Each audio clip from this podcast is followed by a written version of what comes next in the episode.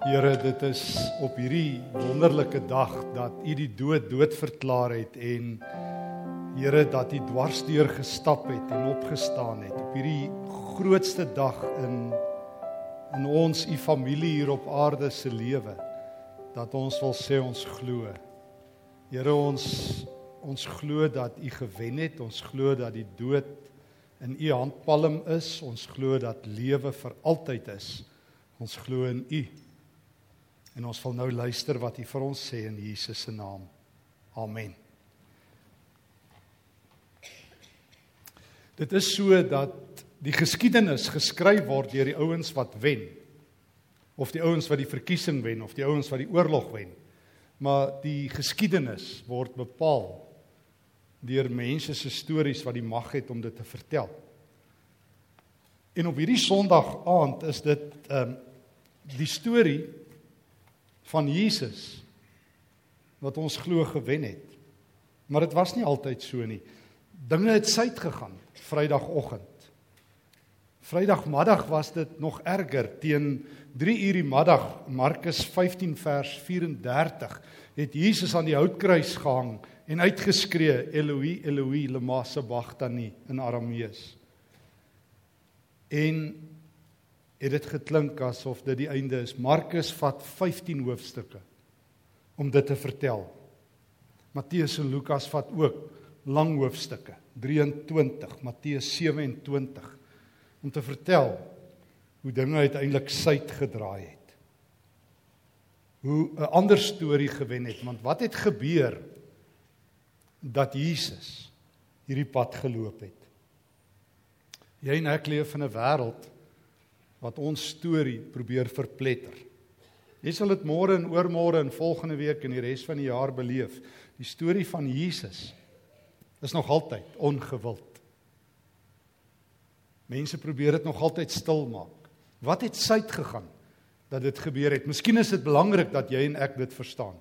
Miskien is dit belangrik dat ons op hierdie super aand, opstanding Sondag aand, die aand dat Jesus daar in Jerusalem in Johannes 20 by sy disippels opdaag, Hoekom is dit nodig dat jy en ek verstaan?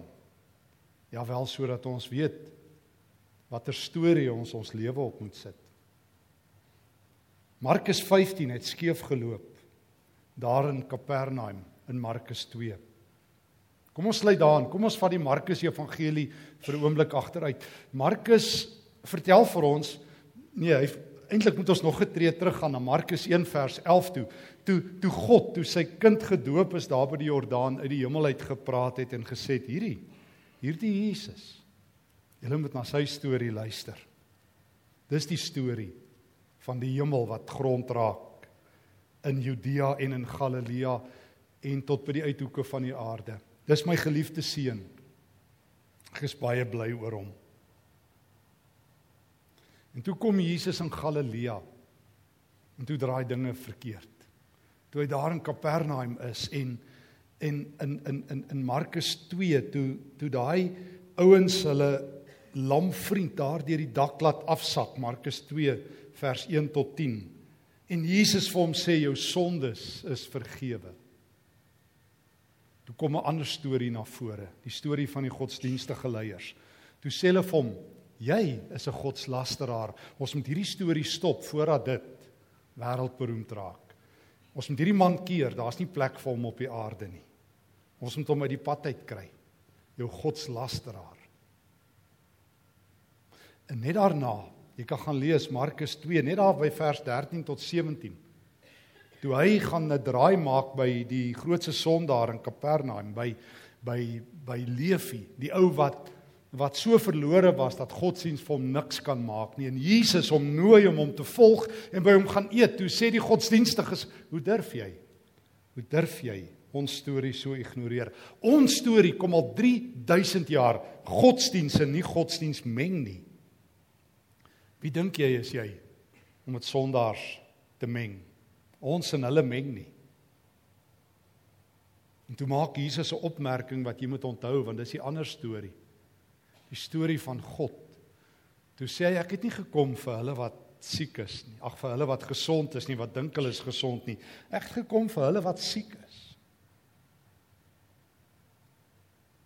Net so 'n paar paar oomblikke vorentoe. As ons net die vinnig vorentoe knoppie druk, Markus 3 vers 1 tot 6, is Jesus weer in die sinagoge in Kapernaum en daar is 'n man wat um, met 'n misvormde hand en Jesus kyk na hulle en hy sê: "Mag 'n mens op die Sabbatdag goed doen of sleg? Mag jy red of nie?" En daar trek die lyn met konkreet, met doringdraad tussen godsdiens, tussen die storie wat Jesus uitban in die wêreld en God se storie. Die godsdienstige sit met hulle gevoude arms en kyk Jesus op en af dat Jesus hulle haat en hulle woede voel. Soveel so dat Jesus self 'n heilige woede voel. Dat sy hart breek. En dat hy daai man innig jammer kry en hom genees. En net daar net daar word 'n nuwe storie in ink geskrywe. Markus 3 vers 6, jy moet dit onthou. Ons moet hierdie man doodmaak. Die eerste doodsvonnis val teen Jesus. Nie in Jerusalem nie, nie Vrydag toe hy vermoor is aan die hout nie. 3 jaar van tevore in Kapernaum, in daai klein dorpie in die noordwestelike oewer van die van die see van Galilea, besluit die ouens, ons sal hierdie man vermoor. Hy dink hy's God. Ons dink hy laster. Dis die dood werd. Hy dink hy kan ons Sabbat oortree, ons sal vir hom mors doodmaak. Want wanneer 'n storie jou lewe so bedreig, kyk maar na die politieke stories van ons dag.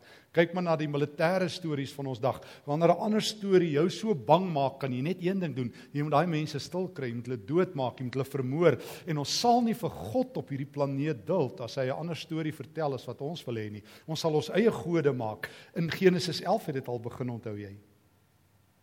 Toe die mense gesê het God, ons sal vir u ontroon daar in die hemel. Ons sal 'n toring bou en u kom uithaal, maar u sal waaragtig buig voor ons. Ons sal nie God op God se terme vat nie. Ons sal vir ons afgode maak, maar ons sal nie voor God buig nie.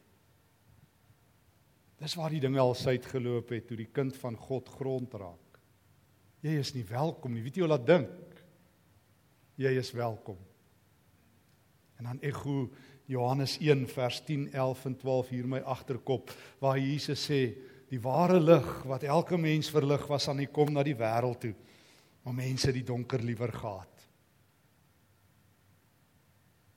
En toe kom die manne daar van Jerusalem in Markus 3 want want hulle is besig om 'n nuwe storie te weef oor Jesus, God se lasteraar, Markus 2 vers 1 tot 12.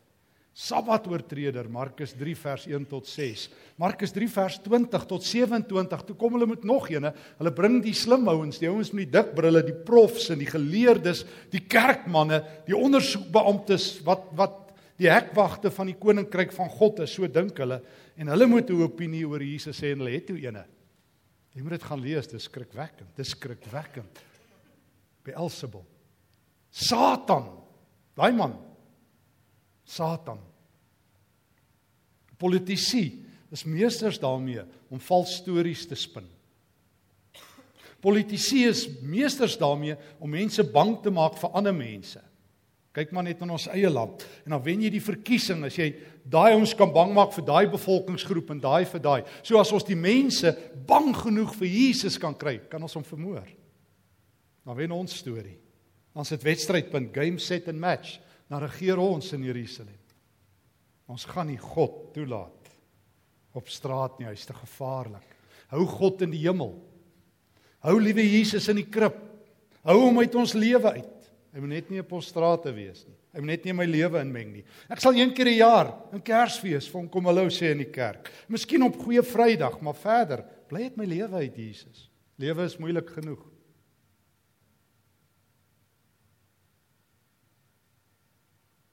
Intussen loop hierdie man wat homself die seun van God noem en net nou nog die seun van die mens. En hy's besig om met sy lewe 'n nuwe storie te skryf. Storie van omgee. Wanneer hy Markus 5 sy hand in die doderyk sit en Jairus se dogtertjie teruggee. Wanneer hy Markus 4 vers 41 tot 44 die wind in die see stil blaas en sy disippels lewe gee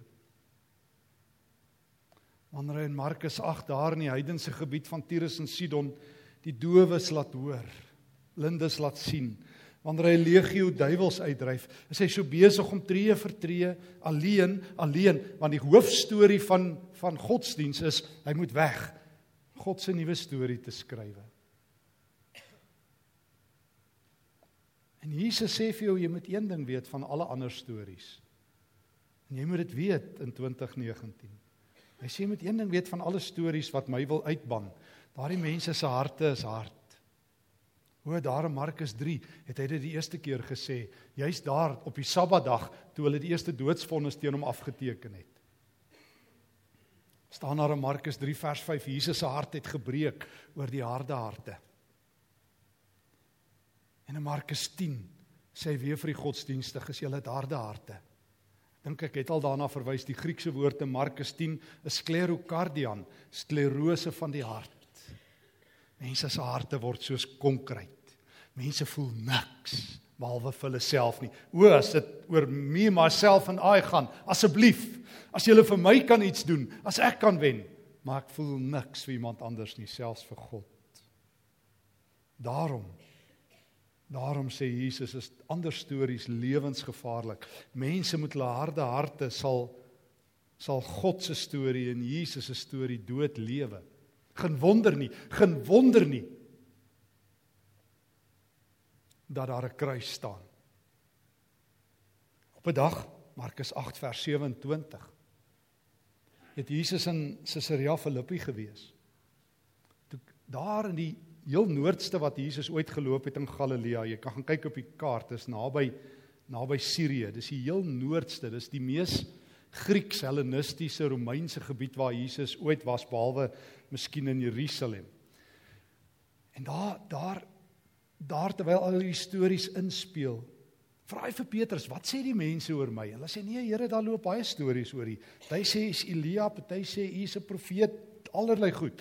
En toe kyk Jesus hom so toe sê hy, "Wat gaan jy met jou een en enigste lewe oor my glo?" Petrus, watter storie gaan ek in jou lewe inneem? Toe sê hy, "U, Here, U is die Christus. U is die Christus. Matteus vertel vir ons sy weergawe Matteus 16 toe sê Jesus, weet jy wat Petrus? Op hierdie storie sal ek my kerk bou. Dat ek die Christus is. En weet jy wat Petrus? Geen storie in die heelal sal dit wen nie. Die hel sal hulle beste stories stuur. Hulle sal militêre diktators stuur. Hulle sal my mense doodmaak in hulle miljoene. Die Romeine sal Christene doodmaak. Stalin, Lenin, jy vertel dit. Die wêreld sal al hulle wreedste goeders doen, maar nie eens die poorte van die hel sal dit stil maak. Hierdie een belydenis wat jy in Caesarea gedoen het, dat ek die seun van God is nie. En toe begin Jesus sê in Markus 8 vers 31. Hier's die storie wat jy moet ken. Markus 8 vers 31 en hy sê dit weer in Markus 9 vers 31 en hy sê dit 'n derde keer in Markus 10 vers uh, 32. Ehm um, hy sê ek is die seun van die mens. Kan ek julle vertel? Ek is die seun van die mens en ek gaan Jerusalem toe om doodgemaak te word. En na 3 dae sal ek uit die dood opstaan. En dis julle storie. Hierdie storie is so kragtig. Hy staan op 'n belydenis ek is die Here. Maar jy moet weet ek is die seun van die mens. Dis 'n storie wat met bloed geskryf word, want hierdie ander ouens se storie dat ek 'n godslasteraar is en 'n duiwel is en 'n sabbatoortreder is, dit gaan die massas wen. Die massas gaan my vermoor. Maar ek sal konsekwent God se storie leef as die seun van God. Jy moet weet Markus 8, 9 en 10. En dit vra iets van jou as jy deel wil word van hierdie storie. Dit vra meer van jou as om op Sondag aand in die kerk te sit. Vra meer van jou as om jou Bybel te lees. Jesus sê Markus 8 vers 34 net na het hy gesê, kan ek julle vertel wie se regtig? Ek is hom wat die seun van die mense is wat gaan sterf en opstaan, maar as jy my wil volg, dra jou kruis. Want jy gaan jou lewe verloor. Verloor dit vir my. Dra jou kruis. Kom. Jy moet ook doodgaan. Jy gaan waaragtig ook doodgaan. Erns gaan jou lewe opraak. Verloor dit nou al vir my voordat jy voordat jy uiteindelik doodgaan. Kies om my te volg En jy moet weet, dis nie die gewildste storie nie. Dis nie die storie wat op Facebook en op sosiale media altyd wen nie. Dit gaan nie by jou werk wen nie. Dit gaan nie in die wêreld wen nie. Hulle gaan dit stil skree. Hulle gaan jou boikot. Hulle gaan jou afdank. Hulle gaan jou jou werk laat verloor. Hulle gaan jou doodmaak as jy hierdie storie glo. Maar glo dit. En jy het God se storie. Sê agter Petrus aan, U is die Christus en dra jou kruis. En Jesus het dit weer gesê in Markus 9 en weer in Markus 10. Ons het al daarby stil gestaan. Net nadat hy gesê het, "Dra my kruis," dan sê hy, "Jy sal ook nou klein moet word in jouself, want as jy wil deel wees van my storie, dan moet jy soos 'n kind wees." En in Markus 10, toe Johannes en Jakobus die twee beste plekke nog kom vra, het Jesus hulle vertel daar dat as hulle nie slawe en kinders word nie, as slawe en knegte word, as hulle nie laaste is nie, dan kan hulle nie deel van Jesus se storie wees nie. Want die mense, die hoofkarakters in Jesus se storie, is nie konings en koninginne nie, is nie priesters en profete nie, maar is slawe. Hy sê as julle deel is van my storie, as jy eerste wil wees, moet jy laaste wees. Jy moet jy almal se bediende wees en almal se slaaf wees. Jy moet jy soos 'n klein kindjie Markus 10 vers 13 tot 16 in my glo oor die wêreld hou van konings en celebrities en superhelde. Hoekom dink jy is die amper die helfte van die top 20 flieke van 2018 superheldfilms? Nou, jy het mos al die Avengers en Infinity Wars gesien. En Black Panther wat die top fliek in Suid-Afrika was laas jaar. Mense soek superhelde. Soek nie 'n Here aan 'n kruis nie. Ek meen, kan jy hulle nie 'n beter storie uitgedink het nie? kon julle nie Jesus laat invlieg het op laser gewere en soos al die Avengers saam hulle superkragte gehad het nie? Regtig? Hierdie man? Hierdie man met slawe klere? Soos Johannes vertel in Johannes 13 se eerste 16 verse, hierdie man wat op sy knieë staan en sy disippels se voete was, regtig? Is dit sy superpower? Hy op sy knieë, almal kyk op na God en nou's God op sy knieë. Ek meen God moet in die hemel wees, nou staan hy op sy knieë voor mense. Regtig? Is dit God? Selfs Petrus is geskok. Here, asseblief maar nie my voete was nie. Ek gou nie van hierdie storie nie. En uh, Filippus, net daarna in hoofstuk 14, vers 7. Here, maar wys ons net maar liewers die Vader. Hy is dalk bietjie meer impressive. Dat ons daarom net kan sê op ons bucket list, ek het hom God ook gesien, want Jesus lyk nie so indrukwekkend nie. Want as jy deel van Jesus se storie word, dra jy 'n kruis en word jy 'n bediende en word jy 'n kind en word jy 'n slaaf. So 'n ontstellende storie. Ek het vertel nou die dag maar was nou die dag ek moet dit weer sê so kwaad vir my een vriend Rudolf Botha wat op ons Ekerk se webblad die storie geskryf het oor Jesus in Malema en gesê het hoekom is mense so ontstel oor Malema nie oor Jesus nie. Malema vra net grond, Jesus vra alles. Hy wil alles hê. Hy wil jou lewe ontwrig. Tensy jy liewe Jesus het Kersfees Jesus wat jy pas en wat jy op Facebook kan sit en wat in jou hartjie pas. Want weet, dis hoekom meeste mense net hulle hart vir Jesus gee want um, dan kan jy hom lekker bestuur, jou hart is klein. Maar Jesus wil sy hart vir jou gee, dis iets anders. Jesus ontwrig alles. Dis hoekom mense hom wil dood hê. Geen wonder nie as ons in Jerusalem aankom. Laas Sondag. As hy daar in Jerusalem aankom in Markus 11. En in Markus 11 die tempel op die maandag gaan reinig, dan dan sê die godsdienstige leiers, nou is jy dood, meneer. Ons sal dit nie vat dat jy op ons voorstoep in ons heiligdom ons ons tempel geldwisselaars se se tafels omgooi nie, net daar op die maandag. Trek hulle die tweede doodsvonnis. Onthou jy dit was in Kapernaum. Jy sal nie vir ons sê hoe ons God moet aanbid nie. Wie dink jy is jy? maar dis God se seun wat op besoek is aan sy vader se aardse hoofstad en hy sê dis by bankrotting. O en dan die Dinsdag, jy sal lees in Markus 12 se eerste 12 verse, vertel Jesus 'n doodstorie. Jesus se stories is gevaarlik. Dis nie slaaptyd stories nie. Sien daai stories wat vir jou wat jy vir jou kindertjies vertel het toe hulle klein was sodat hulle kan slaap nie. Dis nie daai fliek waarin jy sit en dan raak jy in die slaap nie. Dis nie daai preek wat jy al gehoor het waardeur jy geslaap het sonder om iets hoor te kom nie. Ek het my kinderjare deur die kerk geslaap en niks hoor gekom nie. Ek was bulletproof vir die preke. Maar dit was so mak Jesus, hy het aan my niks gedoen nie. Totdat Jesus my gesê het, "Sal jy my kruis dra?" Dis 'n ander storie. Maar dan vertel Jesus daai Dinsdag, hy sê, "Kan ek julle iets vertel van my Vader? Kan ek julle die autentieke storie daai die hemel uit vertel? My Vader is soos 'n boer en hy het hierdie hierdie hierdie landery in hierdie wingerd en hy het dit uitgehuur en toe betaal die ouens nie, toe stuur hy sy slawe een na die ander en hulle het hulle vermoor en doodgemaak. Toe stuur hy sy eie seun. Sê hy na die mense wat sy vader se besigheid het. En toe vermoor hulle hom. Sê jy ons, "Nee. Nou maar kom ons doen dit dan." Dinsdag en Woensdag terwyl Jesus daar in Markus 14 vers um, 3 tot 11 nê is hy daar by die 12 is hy daar besig om te eet in Betanië en dan teken Judas Iskariot en en die Joodse godsdienstige leiers kontrak 30 silwerstukke. Vertel Matteus vir ons. Ons sal hom uitverkoop as 'n Joodse slaaf. Kom ons vermoor hom. Kom ons kry klaar. Kom ons doen dit net voor die fees en dan donderdag nag daar in Getsemane Na vers 45 van Markus 14 sal jy lees kom Judas Iskariot en dan soen hy hom. Dit is interessant, weet jy, die Griekse woord eh, een van die Griekse woorde vir soen is phileo. Grieks het 'n paar woorde vir liefde. Een van die woorde wat hulle gebruik om te soen is phileo. Maar as jy dit as jy dit 'n baie intieme soen maak, dan praat jy van kataphileo. Dis soen wat geliefdes wanneer wat 'n ma vir haar kinders gee wat broers en susters vir mekaar gee wanneer iemand omhels. Wat verliefdes vir mekaar gee. Toe kom Judas en hy katafileo Jesus.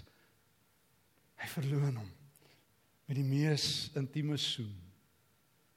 Toe kom hulle met stokke en swaarde en toe vlug almal. Markus daar in 14 vers 51 hardloop kaal uit sy klere uit weg. Petrus daar in Markus 14 vers 66 sweer hy vloek, ek ken daai man nie. En die godsdienstige leiers teken af op hom. Nou weet ons van waar ons hom wil hê. Hoëpriester vra hom daar in 14 vers 61. Sê dit nou vir ons. Sê dit nou vir ons. Ons het die storie oor jou. Ons spin hom al daar van Kapernaum af. Onthou jy? Godslasteraar? Duiwelbesetene? Sabbat-oortreder? Kom ek vra jou nou as die hoëpriester.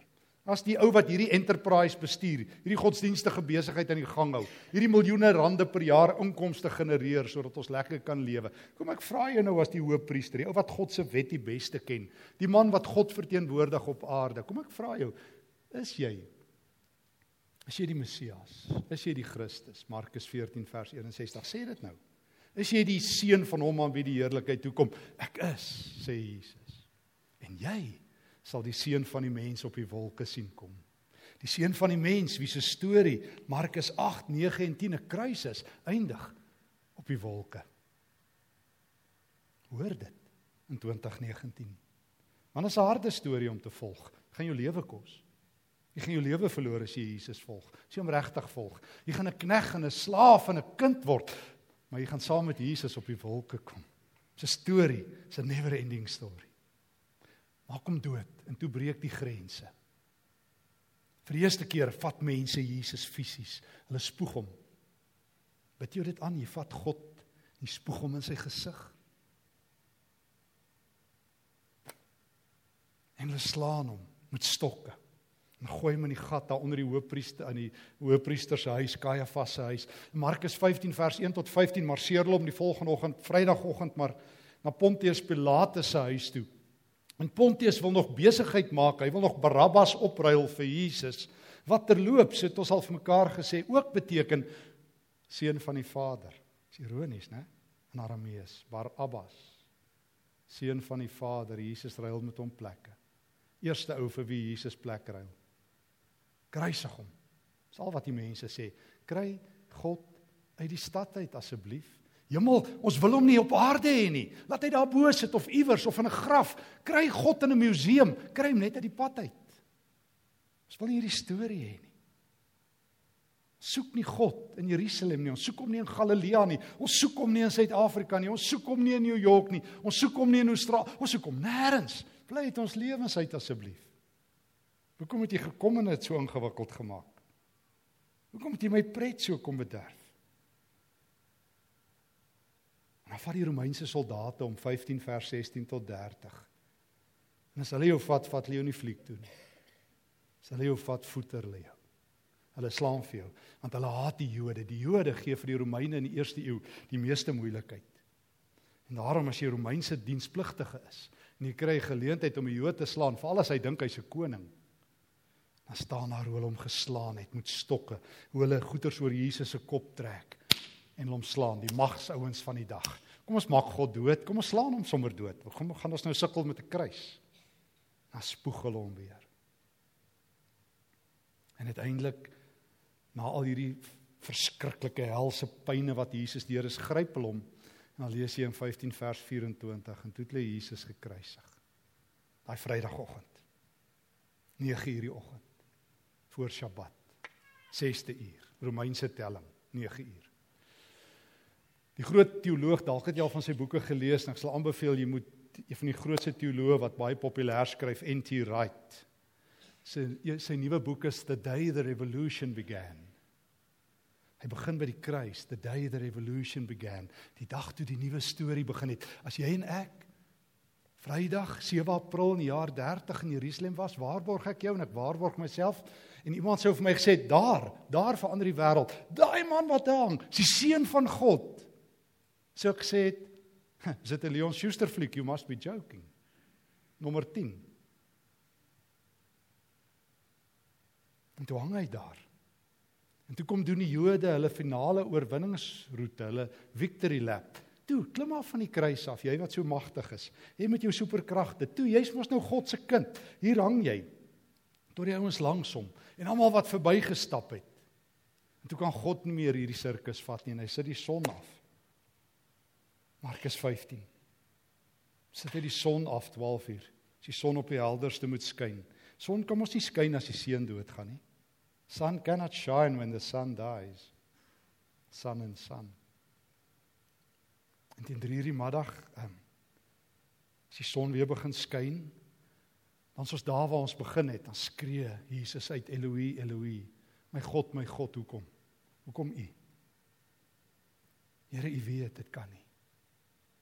En dis Psalm 22 en gelukkig dis Jesus se victory chant. Dis sy oorwinningslied. Hy ken die slot van Psalm 22. Hy weet God wen. En vir 'n oomblik moet ek net saam met jou na na Johannes toe stap, Johannes 19 en na na Lukas 23 waar Jesus se laaste woorde in Johannes want, want ek hoor Markus sê hy het met 'n harde stem uitgeskree, maar hy sê nie wat nie. Maar Johannes sê vir ons wat? Hy het geskree tetelestai in Grieks. In Engels mission accomplished. Nie mission mission impossible, mission accomplished. Ek het gewen. God se stem is stil, maar hou hierdie spasie dop en dan sê Lukas 23 toe hy saggies gaan slaap in sy vader se arms. In die hande gee ek my gees. En toe stil Saterdag verby.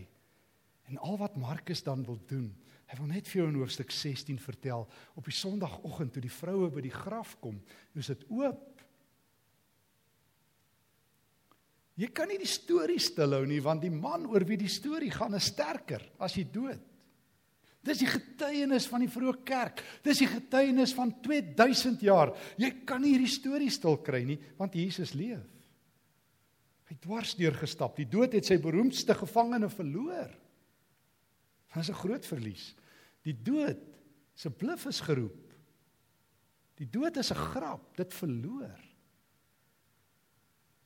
geen wonder nie dat as jy Openbaring 1 lees, as Jesus op daar op die eiland Patmos aan Johannes verskyn, dan staan daar hy die sleutels van die dood en die doderyk in sy hande.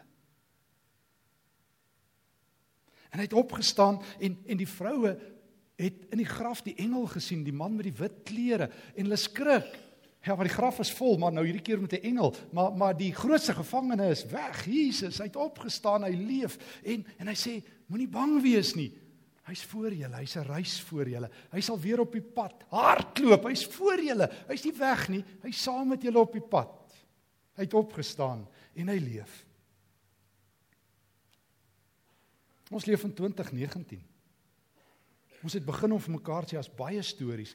Die stories wat wen word geskryf deur die politici en die militêre ouens. Wat 'n storie wen in jou lewe? Want jy hier's die ding. Jy's ook besig om 'n storie te skryf met jou eie lewe. Mens noem dit lewe hoe jy praat, hoe jy dink, hoe jy jou lewe ervaar as jou storie. Ek weet nie hoe ver trek jy met jou storie nie. Die Here weet hoeveel bladsye is nog oor. Ek weet nie, jy ook nie. Ek weet nie oor my eie lewe nie. Ek hoop daar's nog 'n paar. En ek dink jy hoop ook so. Maar hoe jou storie gaan loop is die mense wat jy nooi om jou storie vir jou te skrywe en te edit. Wie's die uitgewer van jou lewensstorie? Jou editor. As Jesus in jou lewe is. En jy moet weet sy storie is nie die gewildste nie. Want jy moet weet hy's 'n godslasteraar en 'n duiwel en 'n sabbatooortreder volgens die ander stories. En hy's 'n klug en 'n mislukking volgens baie stories, maar maar God weet dit is die seun van God. En God weet hy het die dood gewen. En en miskien Miskien is die wonderlikste ding wat kan gebeur en daarmee sluit ek af. Wat gebeur het in Markus 15 vers 39 toe die offisier wat reg voor Jesus gestaan het, sien hoe hy sy asem uitblaas toe sê hy hierdie man is die seun van God. Ons het die fout van ons lewe gemaak. Ons het die verkeerde storie probeer doodmaak. Jy moet onthou hierdie ou wat Jesus, hierdie Romeinse offisier, is die ou wat die kruis moes orkestreer. Het al gesê die die wreedheid van 'n kruis het afhang van die offisier aan diens. Hy het besluit hoe wreed. Hy het besluit hoeveel slaan hy, hoeveel stokke gebruik hy, hoeveel spykers gebruik hy. Wat se soort kruise gebruik hy? Dit was die dit was die slagter van Jerusalem, die man wat Jesus probeer vermoor het, wat daar staan. Dan sê hy: "Wat het ek gedoen?"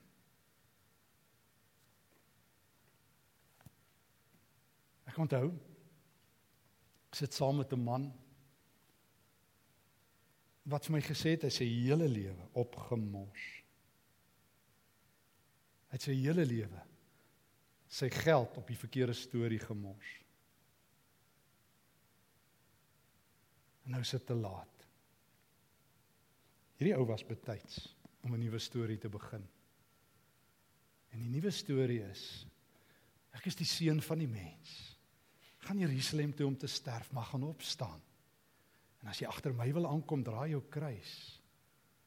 En jy sal eendag sien hoe die seun van die mens op die wolke kom en jy sal vir ewig lewe. Kies jou storie, kies wys en gaan lewe. Ek weet wie ek gekies het. Ek volg Jesus. Amen. Here, baie dankie vir 'n nuwe storie. Ek kies vir u storie. Ek kies vir die leë graf. Ek kies Here Jesus vir u. Dankie Here dat dit nie 'n uitgedinkte storie is nie, dat miljoene mense dit glo. Dat hierdie storie so kragtig is dat die wêreld se beste ander stories dit nie kan stil kry nie. Ek kies vir die storie van Jesus. Ek kies vir die waarheid. Christus die Here. Amen.